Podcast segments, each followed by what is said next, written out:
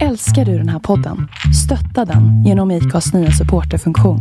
Det är helt upp till dig hur mycket du vill bidra med och det finns ingen bindningstid. Klicka på länken i poddbeskrivningen för att visa din uppskattning och stötta podden. Varmt välkommen till Essentiell-podden tillsammans med mig, grundaren host Samuel Ejob. Idag har jag med mig ingen mindre än Jan Emanuel Johansson. Varmt välkommen ska du vara till den essentiella podcasten tillsammans med mig. Hur känns det? Ju roligt att vara här. Du har verkligen styrt upp en fin lokal och det är ju uppskattat. Det kan nog vara en av de fräschigaste poddmottagningarna jag har varit, ja, i alla fall det här året. Jag blir jätteglad alltså. Hur mår du? Jan Emanuel, om vi börjar med den frågan. Ja, det är väl kanske mest, den mest komplicerade existentiella frågan man kan, man kan få egentligen. Om man inte bara lutar sig helt på det fysiologiska. Och så då väljer jag den fysiologiska svaret och säger ja men jag är frisk, jag har inga, inga sjukdomar. Hur mår du mentalt? Ja, alltså mentalt. hur svarar man på hur man mår mentalt? Jag tror att det eftersträvansvärda eh, mentala tillståndet borde ju vara sinnesro. Och sinnesro infaller sig någonstans där man inte har så negativ stress runt hörnet. Och den, den mest värdefulla eh, sinnesron det är väl när man har stress men ändå kan ta det lugnt. Och jag gör så gott jag kan för att hålla mig ungefär där. Så ett kort svar skulle vara, ja men helt okej. Okay. Jag gör så gott jag kan för att få det där, det mentala på en bra nivå. Men jag fick ett bra svar och jag tackar dig för det. Och eh, jag tycker att det låter som, en, eh, som att du är en frisk, du mår bra, du har koll och eh, du vet vad du gör helt enkelt. Men jag ska försöka ta tillbaka dig lite längre bak. Vem är Jan Emanuel för våra lyssnare som inte känner till eller som inte har 100% koll? Så om du kan berätta lite mer om din, om din uppväxt, vad du har gjort och vem är du? Vem är Jan Emanuel inför andras ögon? Hur tror du att du upp uppfattas för andra. Och eh, jag vill att du penslar det här med dina egna ord och du får titulera dig precis hur du vill. Så varsågod. Ja, då väljer jag nog frågan bakifrån. För den känns ändå mera spännande. Det är ju hur tror du att andra människor uppfattar dig? Och ja, där kan man ju snarare hoppas och min, min förhoppning är att um, åtminstone de som har träffat mig och när man har fått sitta och snacka en stund förknippa mig med någonting positivt. Att man inte... Jag tror ju att det är klart att en mediabild alltid färgar. Och jag tror att de som, har man aldrig träffat mig, skulle jag aldrig träffat mig själv och bara läst om mig själv i tidningarna så skulle jag nog tycka att man var en rätt oskön person. Eh, särskilt om man går tillbaka. Nu av någon outgrundlig anledning har ju media varit lite gulliga med mig. Eh, oklart varför. Men går man tillbaka lite så har man ju fått sjukt mycket, eh, vad ska man säga, Ja, man har blivit utmålad på ett sätt där man ibland haft lite svårt att känna igen sig själv. Man har ibland nästan känt sig som någon form av vandrande klump av trycksvärta som man har svårt att tvätta av sig. Tills man kom fram till att trycksvärta går liksom inte att tvätta av sig, särskilt inte med trycksvärta. Utan man får liksom lära sig att förhålla sig till att media finns där. Media gör sitt, deras jobb. De ska, de ska sälja saker, tidningar och på det ska de tjäna pengar. Då skriver de det som de tror säljer. Till poängen, vem, hur tror jag då att människor uppfattar mig? Ja, då är man tillbaka vid förhoppningen. Jag hoppas att när man väl träffar mig tycker att jag är en något bättre person än den man har läst om i tidningarna. Vem är Emanuel? Jan Emanuel. Hur har din uppväxt varit? Eh, och vilka motgångar eller framgångar har du haft när du var som liten? Om du kan berätta utifrån den mentala biten. Det är det jag vill, vill få fram. Hur var du som när du var ung? För att man ska hitta någonting så måste man ju söka någonting. Och för att söka någonting så måste det vara någonting som man upplever att man inte har. Och jag kan väl, när man backar tillbaka och ser i, i backspegeln så var det väl just den här sinnesron som jag pratar om som, vad ska man säga, nästan skyltade med sin frånvaro. Jag tyckte att det var ganska värdelöst att vara ung. Jag tyckte att det var ganska värdelöst i det jag kommer ihåg. Det var en, en ganska stökig och inte speciellt mysig tid. Men det är också en väldigt lärorik tid. Jag tror att det är så man får, får se sina egna motgångar och när saker och ting har varit lite mörkare än vad man hade önskat.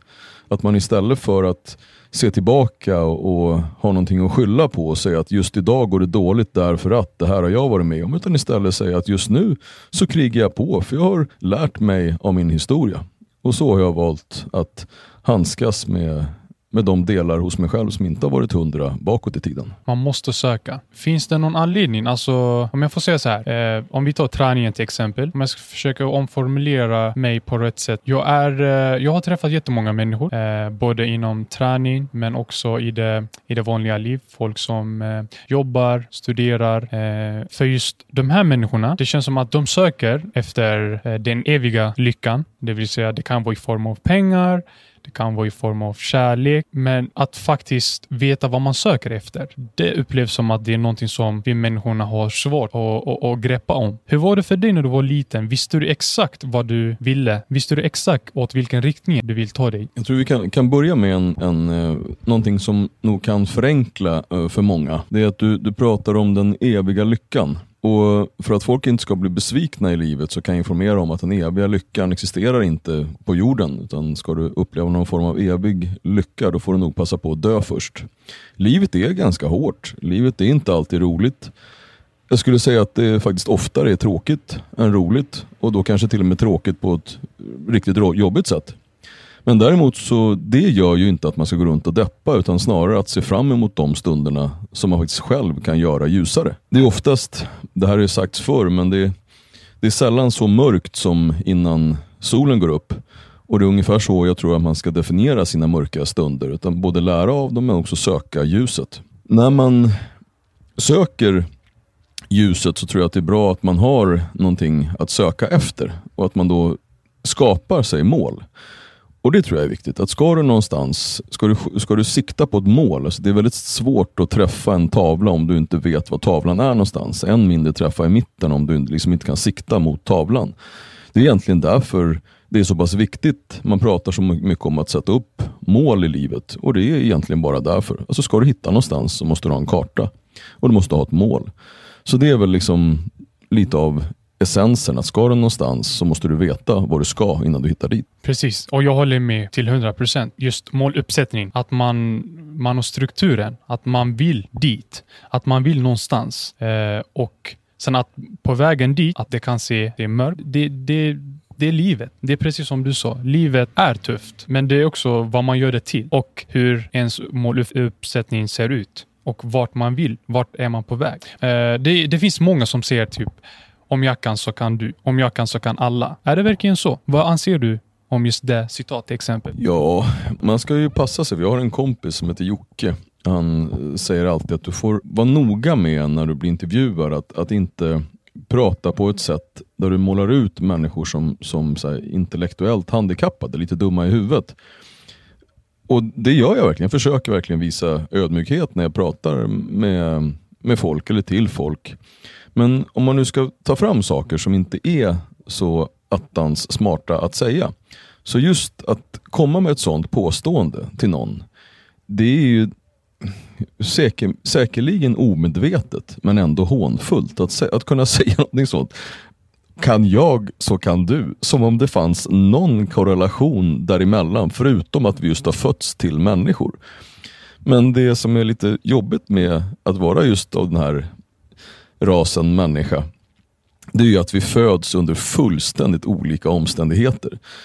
Eh, det är till och med orättvist om man skulle liksom behandla alla, alla lika, att alla fick att vara lika. Det finns ju ett gammalt sosse-exempel när man sa så att ja, men, ehm, det finns ju olika grenar inom socialdemokratin, hur man då ser, eller inom socialismen egentligen, hur, hur tilldelning ska se ut.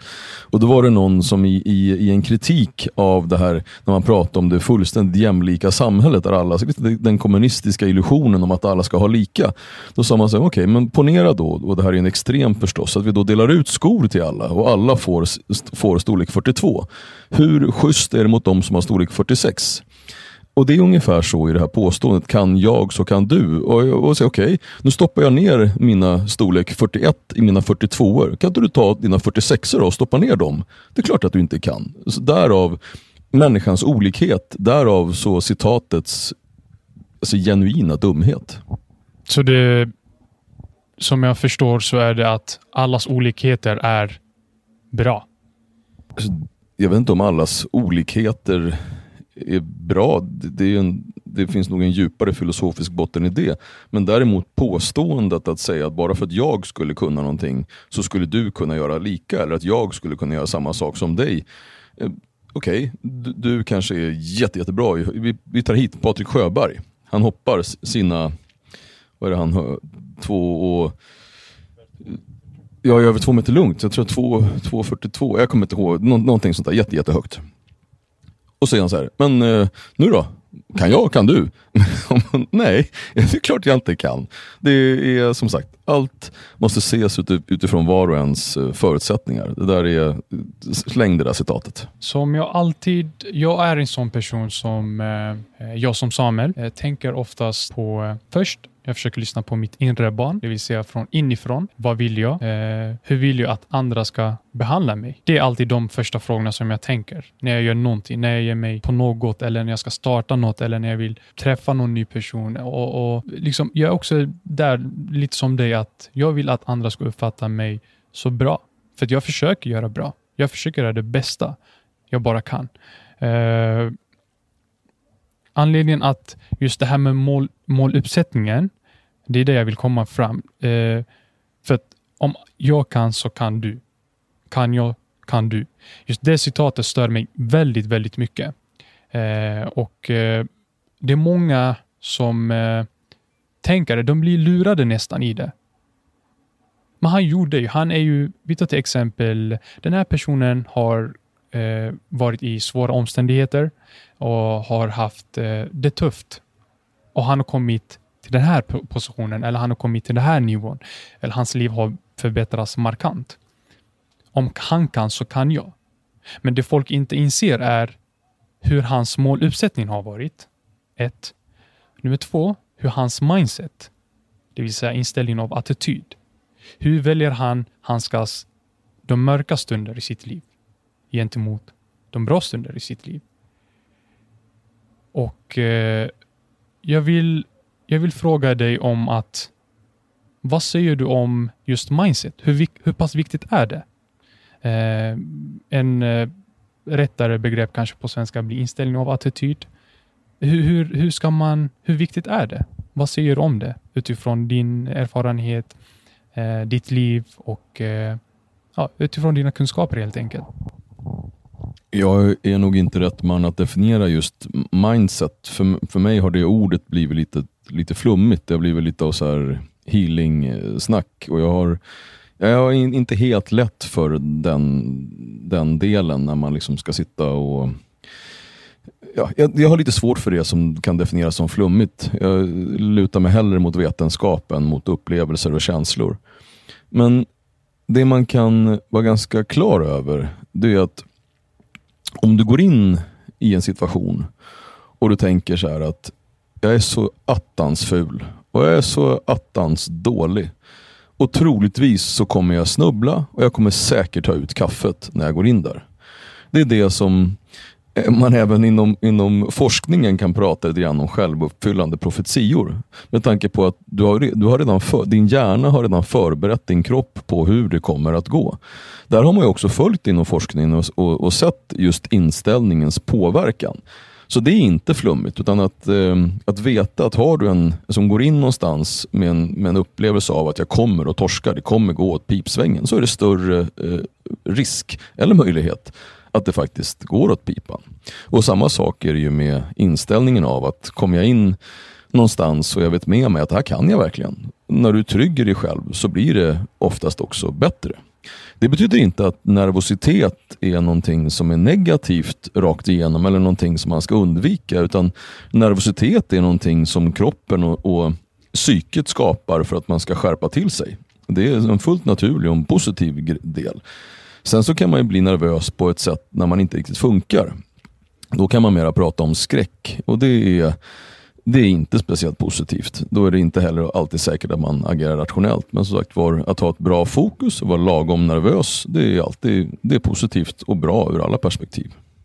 Du nämner väldigt, väldigt bra begrepp. Du nämner eh, eh just manifestation av eh, eller jag eh, tolkar det som manifestation av sitt inre jag.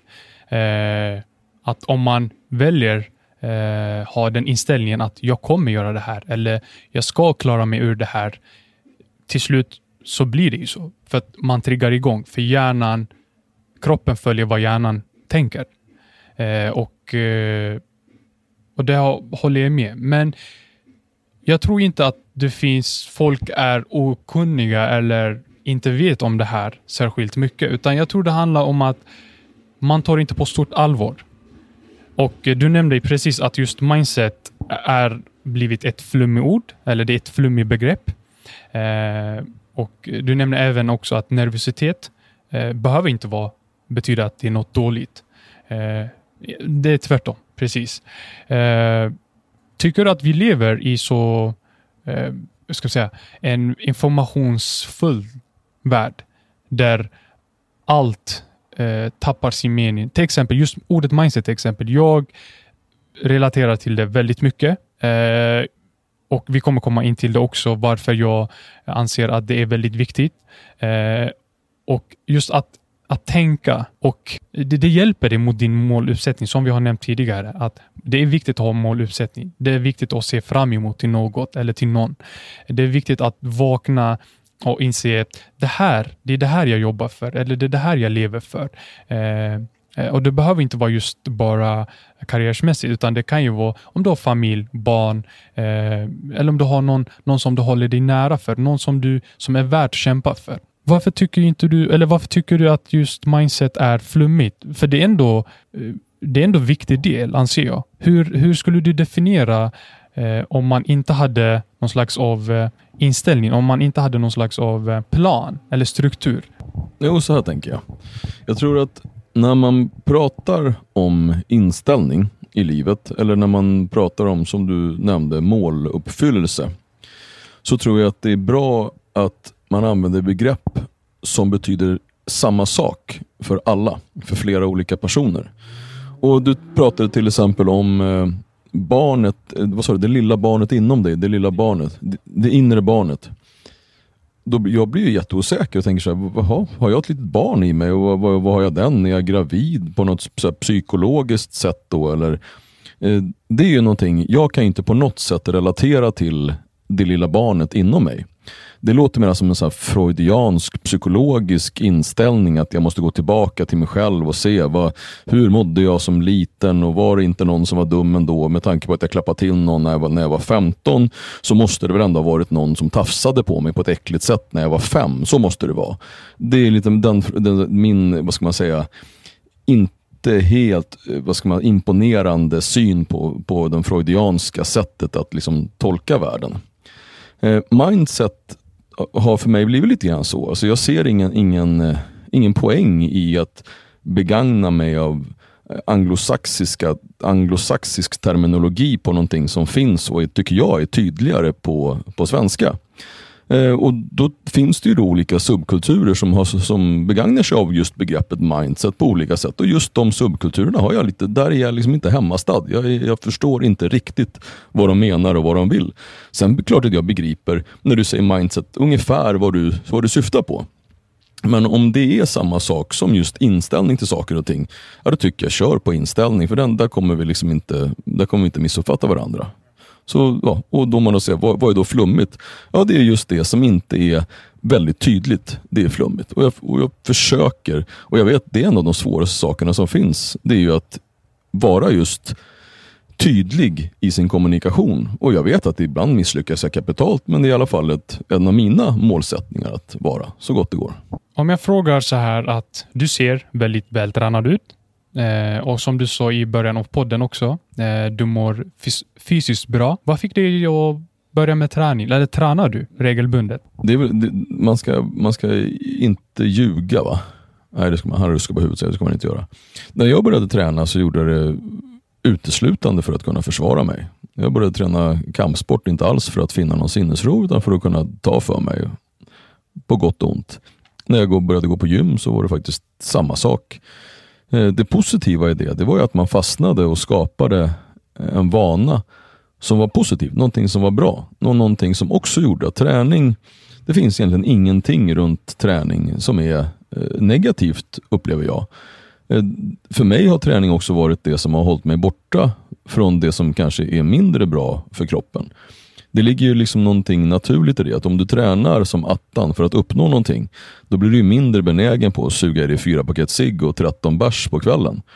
Och Det är ju liksom, det är en, en, en motsättning däremellan som är, som är bra. Så att eh, vad du än håller på med, var du än är någonstans, så finns det alltid något sätt att träna. När man mår skit, då finns en anledning att träna. När man mår bra, då finns en anledning att träna. Och det finns, när man mår dåligt så finns det en jättebra anledning att inte ta till med bärs eller droger på något sätt. För att det är just det man bara ska jobba med som, som belöning. Men till kontentan, träning, alltid bra. Var du än är, någonting knasar, gå och träna. Jag håller fullständigt med. Eh, trots i de här svåra tider som corona så är det väldigt många gym som är stängda. Det finns som du säger, det finns alltid någonting man kan göra. Det finns alltid, det finns alltid plats för, för träning. Sen just att gymmen är stängda behöver inte vara nödvändigtvis att du behöver alla verktygen som finns där inne, utan ta en löpning. Det är fort så länge man aktiverar kroppen, så länge du, du får igång kroppen. Folk som tränar använder, får ut mer utav sin dag. Man, man blir mer effektiv. Man, man blir mer alert. Håller du med där? Träning är bara bra. Det finns, eh, när saker och ting går åt pipsvängen, då brukar man kunna, är ofta ett bra eh, förslag så att sitt still i båten, gör ingenting förhastat. När saker och ting går åt pipsvängen så kan du alltid gå och träna. Ingenting kommer bli sämre av att du går och tränar. Eh, var du än är och vad som än har hänt så kommer det inte bli sämre om du går och tränar. Om du inte har blivit skjuten i en, sen artär som har gått åt pipan. Men i övrigt så är det alltid bra att gå och träna. Har jag, eh, jag tänker fråga några frågor utifrån eh, eh, lyssnare som har ställt intressanta frågor måste jag säga. Och Det är hur många frågor som helst, men jag tänker ta några utifrån, eh, eh utifrån ämnet som vi pratar om. Det är frågor, politisk frågor, eh, det är familjefrågor och, och etc. etc. Men eh, jag ska försöka hålla till just ämnet. Och då är det min fråga, anser du dig vara framgångsrik? Om du börjar med att identifiera ordet framgångsrik, för jag tycker att ordet framgångsrik är väldigt, väldigt flummigt. Så om, om du börjar identifiera, hur tolkar du just ordet framgångsrik? Vad är att vara framgångsrik för dig? Och sen eh, svara om du anser dig själv vara framgångsrik. Ja, framgångsrik tycker jag inte är speciellt svårt att definiera. För där måste man liksom utgå ifrån ordets eh, ursprungliga i dess bemärkelse. Och, titt- och Då måste man också gå objektivt. Man måste liksom i ett helikopterperspektiv se vad är framgångsrikt. Du kan ju förstås, om du nu är flummig, Eh, nu menar jag inte bara att du har rökt en braja utan att du har ett så här flummigt tänk, säga att nej men här sitter jag och mediterar i djungeln och jag konkurrerar ju bara med mig själv så jag tycker att jag är framgångsrik i förhållande till mig själv.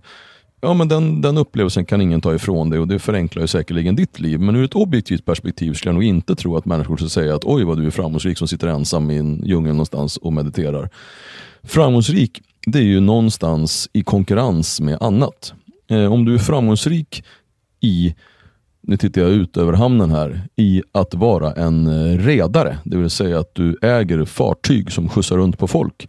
Ja, det betyder att du har många fartyg, de går bra, det är många som vill åka med dig och du tjänar jättemycket pengar. Då är du en framgångsrik redare. Om du är en framgångsrik idrottsman, du är en vi tar boxare som exempel, det, det betyder att det är inte du som får stryk, det är du som ger stryk. Då är du framgångsrik. Så den tycker jag är ganska enkel att definiera. Och om, man då ska, om jag då ska spegla mig själv, är du framgångsrik? Det är en fråga man gärna duckar för att det inte är speciellt ödmjukt att säga ja men absolut, jag är framgångsrik. Men på en rak fråga, ja, jag är framgångsrik. Där har vi det. Jan Emanuel är framgångsrik. Eh, anledningen till att jag frågar just eh, den här frågan är ju, eh, och varför jag tycker att den sticker ut lite mer än de andra frågor, är för att jag håller med till stort sett som du sa. Men jag tror att många glömmer bort att just om vi kommer tillbaka till träningen, att må bra, hälsan. Man kan vara framgångsrik, just det också. Men många utesluter just det på något sätt. Det kan ju vara att man, man jobbar mot eh, ett mål. Man har en måluppsättning som man jobbar eh, liksom gentemot och eh, om man jobbar så pass hårt så man glömmer sig själv någonstans där och då mår man inte bra, eh, varken fysiskt eller psykiskt i det långa loppet. Kan man fortfarande vara framgångsrik? Det är min fråga. Alltså om man kan fortfarande vara framgångsrik fast man inte mår bra. Ja, men självklart så kan du vara framgångsrik eh, om du mår, du kan ju må precis hur dåligt som helst, men kan vara precis lika framgångsrik ändå. Det är väl bara att titta på Eh, så det är inte så att det har varit ovanligt med framgångsrika människor som har tagit livet av sig. Det är bara att titta inom musikvärlden så är det ju liksom jag höll på att säga mer regel än undantag om man tittar på de som han blir 27 och sen inte han blir längre på grund av att de har valt att, att gå vidare till, till nästa liv. Så jag tror att eh, det finns djupt, eller tror, jag vet att det finns extremt många djupt olyckliga människor, eh, men i situationer där man objektivt skulle bli mätt som extremt framgångsrik. Så det finns absolut ingen motsättning i att vara objektivt framgångsrik men samtidigt vara djupt olycklig.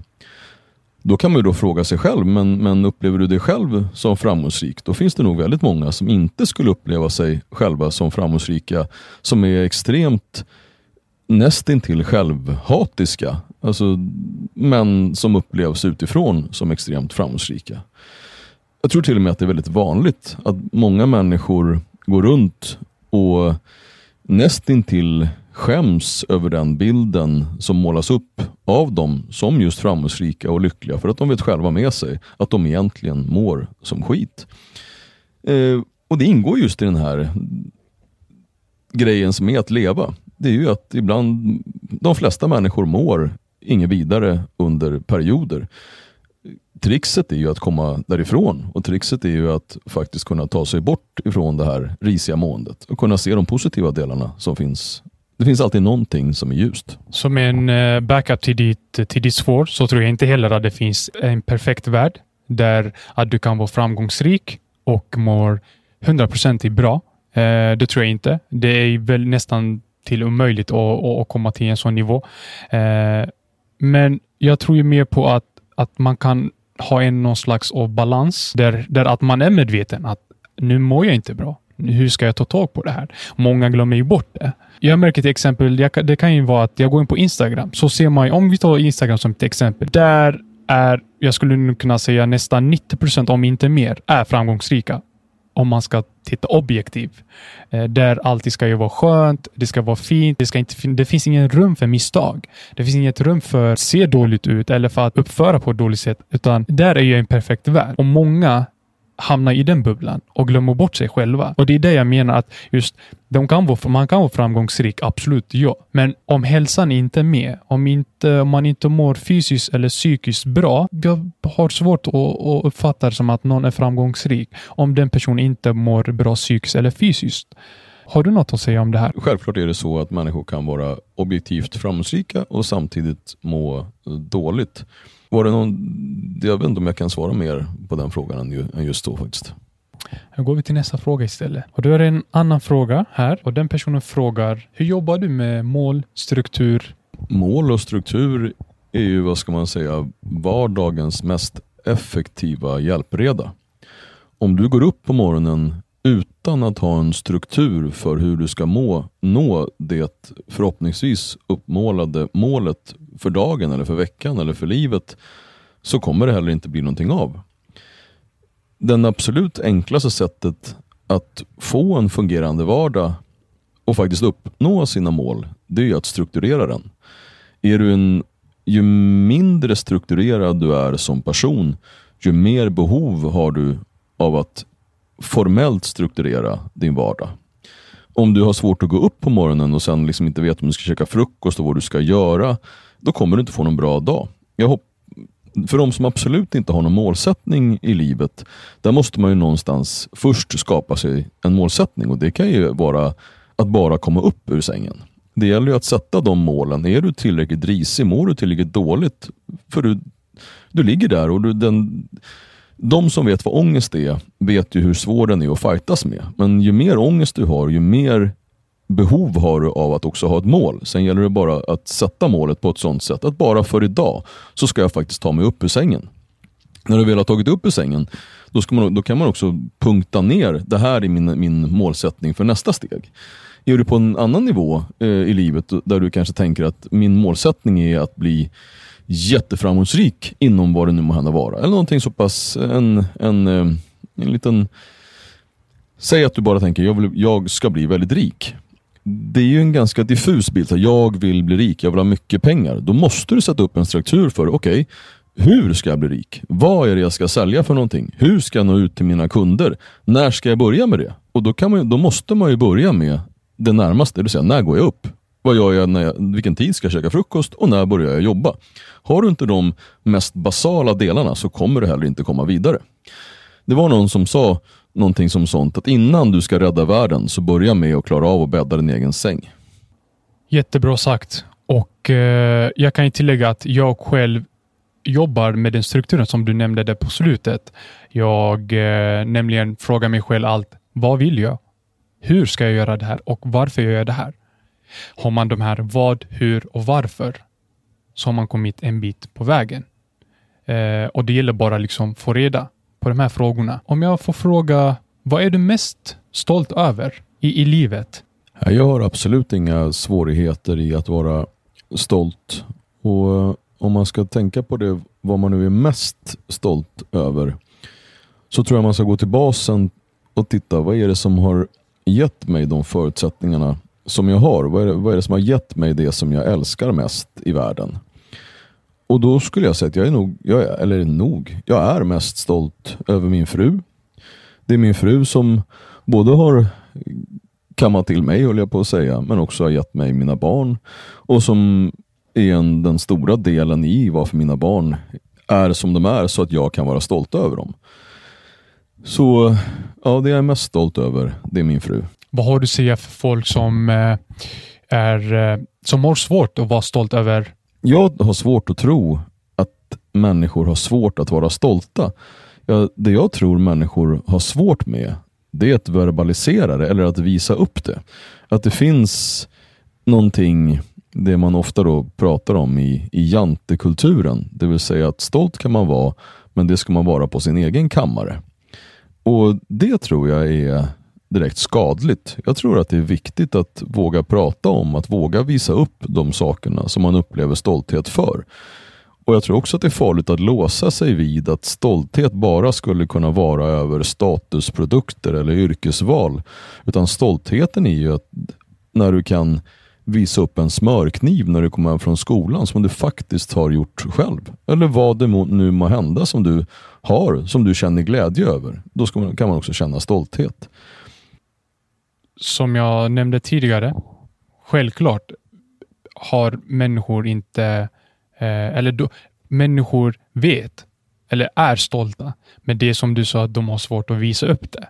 Eh, och eh, Du nämnde precis också just jantelagen. Eh, du, du ska vara bra, men du får inte vara bäst. Eh, lite så upplever jag ibland. Och Det känns som att det är för, för min generation och eh, eh för den åldern jag är på just nu och yngre då, så har det nästan blivit tvärtom tror jag. Alltså folk vågar visa upp det och folk vågar vara bäst på saker och ting. Eh, oftast kan de upplevas som de är kaxiga eller arroganta, men eh, att faktiskt veta vad du är bra på, det kopplar jag som att, som du sa nu, att, att man, man kopplar till sin förnuft. Jag vet att jag är bra på det här. Jag vet att jag kan greja det här. Det betyder inte att jag är färdigutvecklad. Givetvis så finns det plats för självutveckling, personutveckling och så vidare. Eh, men att faktiskt veta att man är duktig, precis som att veta att du, du är inte bra på det här. För vad vi väljer att tänka är, vi fokuserar lätt på det negativa. Ja, jag har inte lyckats få, få dem, det här jobbet. Jag har inte lyckats skaffa mig ett förhållande. Jag har inte lyckats eh, fixa en, en bra, ett bra käk. Det är oftast de sakerna som, som visas upp. Varför är det så mycket negativt? Varför kan man inte bara fokusera på det, på det som är faktiskt du har kontroll över? Att du inte kan laga mat till exempel. Visst, du har ju kontroll över det. Du kan ju lära dig. Du kan ju eh, göra smårätter. Du kan ju börja, du kanske lär dig hacka lök och, och så vidare. Men det jag vill, det jag vill få fram är ju att det är så svårt att, att, att bara erkänna till sig själv. Och det är det jag menar med att eh, om man vet att man är bra här uppe, men man har ändå svårt att visa det. För mig blir det som att just själen inte är ikopplad, det vill säga känslorna är inte inblandade i det här. Det är bara liksom förståndet som, som vet det här och sen göms det där under på något sätt. Faran med till exempel lyckopiller, det är ju att man kemiskt går in och manipulerar hjärnan att producera glädjeämnen. Och så kommer de här glädjeämnena och så säger de så här, men det, det är lugnt, det, det, är ingen fara, liksom. du behöver inte ha ångest. Problemet är att ångest i de allra flesta fallen kommer utav någonting. Oftast när du har ångest så har du gjort någonting som inte är någonting vidare. Och då berättar kroppen det för dig att det där var inget vidare, det borde du liksom sluta göra och du borde nog göra någonting åt det. Ångest kan till exempel vara för att du inte har betalat dina räkningar. Och då kan man ju, då kan man ju till exempel käka lyckopiller och så kommer lyckopillerna säga så här, men det ordnar sig. Medan jag säger att nej, det kommer det definitivt inte göra, utan du behöver betala din räkning. Därför så är det ganska bra att om du inte kan laga mat, så ska du inte gå runt och tro att du är bra ändå på att laga mat. För att det är du inte. Du är helt värdelös på att laga mat. Gå och lär dig laga mat, för det tillhör vuxenlivet att kunna göra. Det är lite ironiskt att jag säger för att jag är så otroligt dålig på att laga mat själv. Men jag tror att det är viktigt med någon form av självkritik och självinsikt. Jag tror att den, den uppvisningslycka som hör kanske mest den nya generationen till, men där även 70-talister och 60-talister och 80-talister har vad ska man säga, hoppat på tåget så är det ju det du tog upp tidigare, just eh, Facebook, eh, Instagram-lyckan. Där människor har en enorm benägenhet att, att liksom påtala hur fantastiskt deras liv är, hur framgångsrikt allting är, hur mycket de älskar allt. Och, och de, de mest människor som, eh, som, om man nu ska vara krass, totalt har misslyckats med de saker man har tagit för sig, ändå ska kliva fram och vara någon så här, ja, ge en goda råd på, på vägen. Liksom. Och jag tror att det, det finns nog det finns väl kanske någonting positivt i förljugenhet, jag har svårt att se den, men eh, jag tror att den, den ouppnåbara lyckan, det vill säga den som man försöker visa, den du var inne på från början, den, den här, eh, vad du kallar den för någonting, den eviga lyckan, den finns inte. Och när folk växer upp och läser på de här sociala medier om att shit vad, de, vad, vad lyckliga de är och hur glada de är och tror att det är så det är. Då sätter man upp ett mål som du aldrig kommer leva upp till och då har du liksom dömt dig själv till att inte vara glad och det är tråkigt. Precis. Eviga lyckan. Jag definierar eviga lyckan som att eh, just idag, jag vaknar, jag är vid liv. Det är min eviga lyckan. Jag har nästan allt. Jag är herren över mitt liv och jag kan göra precis vad jag vill. Eh, och Många kanske inte relaterar så. Många kanske inte tänker att de kan precis säga upp sig från sitt jobb. Många kanske inte kan eh, avsluta ett toxic, det vill säga ett eh, destruktivt förhållande. Man kanske inte kan göra det liksom att jag har sagt till mig själv och jag väljer att använda den inställningen om att jag är vid liv. Jag har två armar, jag har två ben och jag har liksom, jag är inte handikappad varken fysiskt eller psykiskt. Det är klart, det är också hur man definierar. Det är en tolkningsfråga där. Har du något mer att säga om det här? Ja, det har jag. Om eh, den eviga lyckan skulle vara att vara vid liv, så eh, då tror jag att man har sagt, satt en ganska låg målsättning.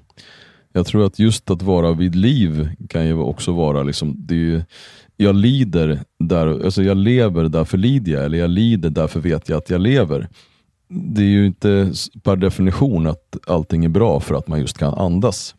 Jag tror däremot att man kan vara lycklig oavsett armar och ben. Jag tror att det finns, eh, går alldeles utmärkt, för det finns så många, många saker i livet att vara lycklig åt. Det man däremot måste fokusera på, det är vad är det som är friskt? Vad är det som är bra? Om du tittar på din nästa med ögonen i att se det vackra. Ser du en person Oavsett hur den, vilka grundförutsättningar den har och du tänker så här, var, titta efter det vackra hos din nästa, så kommer du till slut säga, och vilka fantastiska ögon. Gud, vad, vilken fin blick, eller ifrån den vinkeln, vilken, vilken ändå vacker människa. På samma sätt om du tar del av människans vara, så kan en människa vara, det finns ju extremt obehagliga människor, människor som, som stjäl din energi och människor som är direkt elaka. Det finns liksom inte Många tror eller vill gärna att människan i grunden ska vara god. Så är inte fallet, utan det finns extremt mycket ondska runt omkring i människan. Men att hela tiden söka då i den här människan, vad är det friska? Vad kan vi hitta hos den här människan som ändå är bra?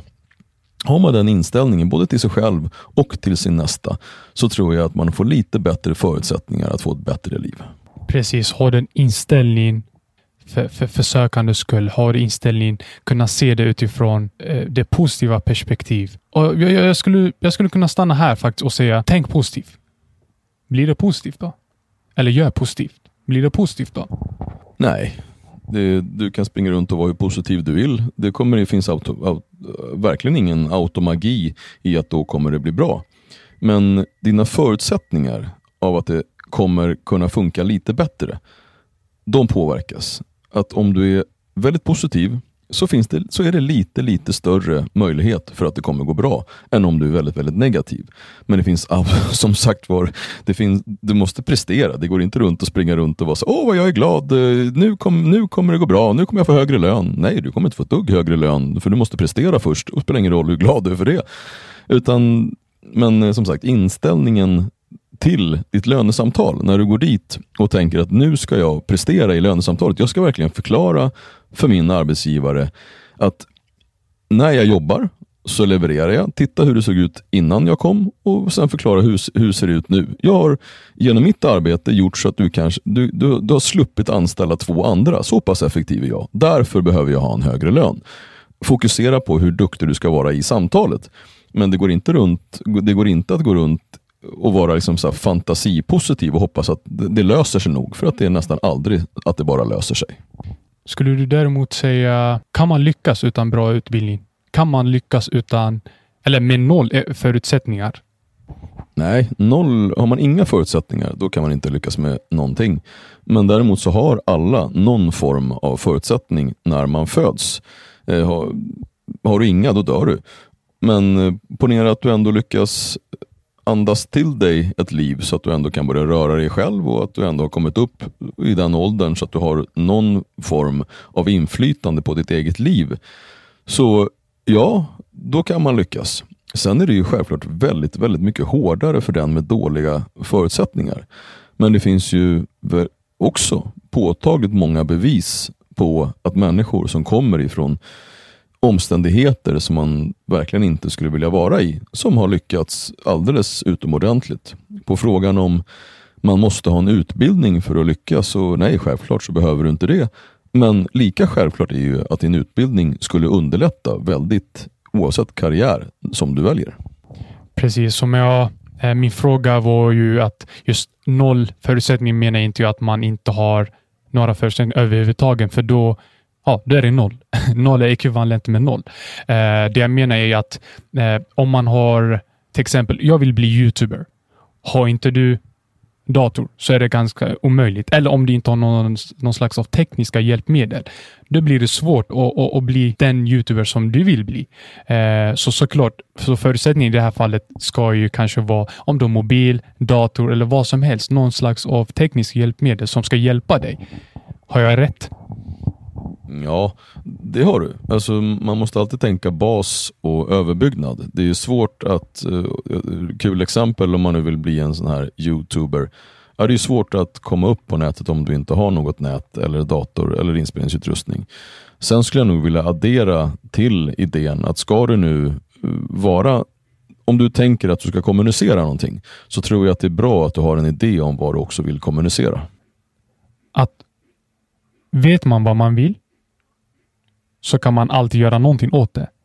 Nödvändigtvis behöver inte betyda att du kommer lyckas med det. Eh, men många är rädda just att fejla eller misslycka. Man, man tänker bara positivt. Jag vill bli till exempel YouTuber. Eh, jag vill inte få hatkommentarer. Jag vill, jag vill inte få massa dislikes. Jag vill inte få... Eh, men jag, liksom, man är rädd för den för, för misslyckande. Och självklart behöver inte betyda misslyckanden som kommer från just dig. Det kan ju vara eh, motgångar, det kan ju vara eh, liksom saker som, som hindrar dig. Vad har du att säga om det? Eh, just motgångar, hinder och eh, ja, men problem om jag, om jag får lägga det så. Gäller det bara att hitta lösningar på plats direkt? Om du kan koppla det till dina erfarenheter såklart. Varje motgång är en lärare. Dom. Varje gång du ramlar så lär du dig att ställa dig upp. Det finns till och med, jag tror att det är på Tigrinja, oklart om, om jag minns rätt, men där, man, ja, där ordet framgång, eller, eller ja, ish framgång, är att kunna resa sig upp igen. Alltså, och den, den tycker jag är lite skön. Att just se det. Alltså det svårigheten, det är just att resa sig upp igen. Och det är en framgång i sig. Att vara rädd för att misslyckas, ja, det ligger ju i sakens natur. Det ska du ju vara. Det är klart att du ska vara nojig för att, och, att inte lyckas. För din målsättning är ju att lyckas. Men när, man, när det väl går åt pipan, vilket det gör. Alltså jag skulle säga ganska ofta. Alltså, skulle, skulle en affärsman alltid göra de rätta affärerna det är omöjligt. De människorna som, som du ser, som du upplever som framgångsrika, de har ju extremt många misslyckanden bakom sig i, i bagaget också. Det finns ingen människa som, som går runt där och som inte har sin egen olycka, men som bara syns på ett annat, eller som inte syns. Eh, jag skulle i det här resonemanget, nu vet jag inte om du tog upp det här youtuber mera som ett exempel, men jag skulle väl börja med att, att säga att när ni gör era karriär, karriärsval så ta och, och välj någonting mera basa. Börja med att bli rörmokare, börja med att liksom gå på Handels, bli någonting på riktigt. Sen kan du parallellt hålla på och latcha på nätet, men ha inte det som liksom målsättningen i din, i din karriär. Utan ha det mera som en ja, fritidsaktivitet som sen självklart lyckas du så är det jättekul. Men som sagt, skaffa ordentligt jobb först. Precis, anledningen att jag tog just Youtube är ju för att det är många som Eh, Eh, som ser det som en heltidsjobb och eh, det är inget problem för mig. Eh, jag menar, om det ger dig utdelning, det vill säga du jobbar ju för att du får någon slags av pengar tillbaka eller du får någon slags av tacksägelse på något sätt. Om jag får säga så. Och just att jag tog Youtube är för att man ser ju, som sagt, man kopplar det direkt till de här stora profiler. Eh, men det man oftast glömmer bort är vad de har gått igenom kanske, som de kanske inte delar med sig. Är det enkelt när man har ramlat, är där nere i botten? Det kan inte vara så enkelt att bara se ljuset i tunneln. Nej, för ofta så finns det inget ljus i tunneln utan du får sätta på lyset själv. Och självklart så är det inte lätt att komma tillbaka när man har failat. Det är inte lätt att ställa sig upp igen livet är inte speciellt lätt och särskilt inte när, man liksom, när det blåser och man hamnar i de här motgångarna. Men det, det duger inte när det inte funkar att tycka synd om sig själv eller tycka att allting går, det är ändå kört. Utan som sagt, är det mörkt i tunneln, skapa ditt eget ljus. Det har varit väldigt, väldigt, väldigt kul att få sitta ner här med dig, diskutera, ställa frågor, få svar på frågorna eh, och kunna reflektera. Jag är väldigt tacksam att du kunde lägga den här tiden. Det betyder jättemycket. Och om jag får avsluta med tre frågor, tre snabba frågor. Vem är din största förebild undrar någon? Jag har väl flera förebilder förvisso, men eh, Olof Palme är en. Che Guevara är en. Den absoluta förebilden framför alla är Jesus. Vad är din bästa affärstips? Var ekonomisk. Det betyder att hushåll med dina resurser. Kan du, kan du lära dig hushålla med dina resurser så då har du skapat basen för att bli en bra företagare och en mer lyckosam individ med ordning och reda i plånboken. Och sista frågan då. Vad ser du dig själv om, eh, ska vi säga, personen har inte skrivit vilket år, men eh, låt oss säga om, eh, om fem år. Vad ser du? Eh, och Det här är på individuell nivå, familj, eh, vad som helst. Liksom. Vad ser du om fem år? Jag ser mig själv som en fortsatt lycklig pappa till mina barn som jag hoppas kunna stötta till att bli de individerna som de vill bli. Jag ser mig själv som en god man till min fru och en god vän till mina vänner. tack för dina fina svar och eh, jag önskar dig faktiskt framgång. Jag önskar dig en god hälsa och jag önskar dig all lycka. Stort tack Jan Emanuel. Tack!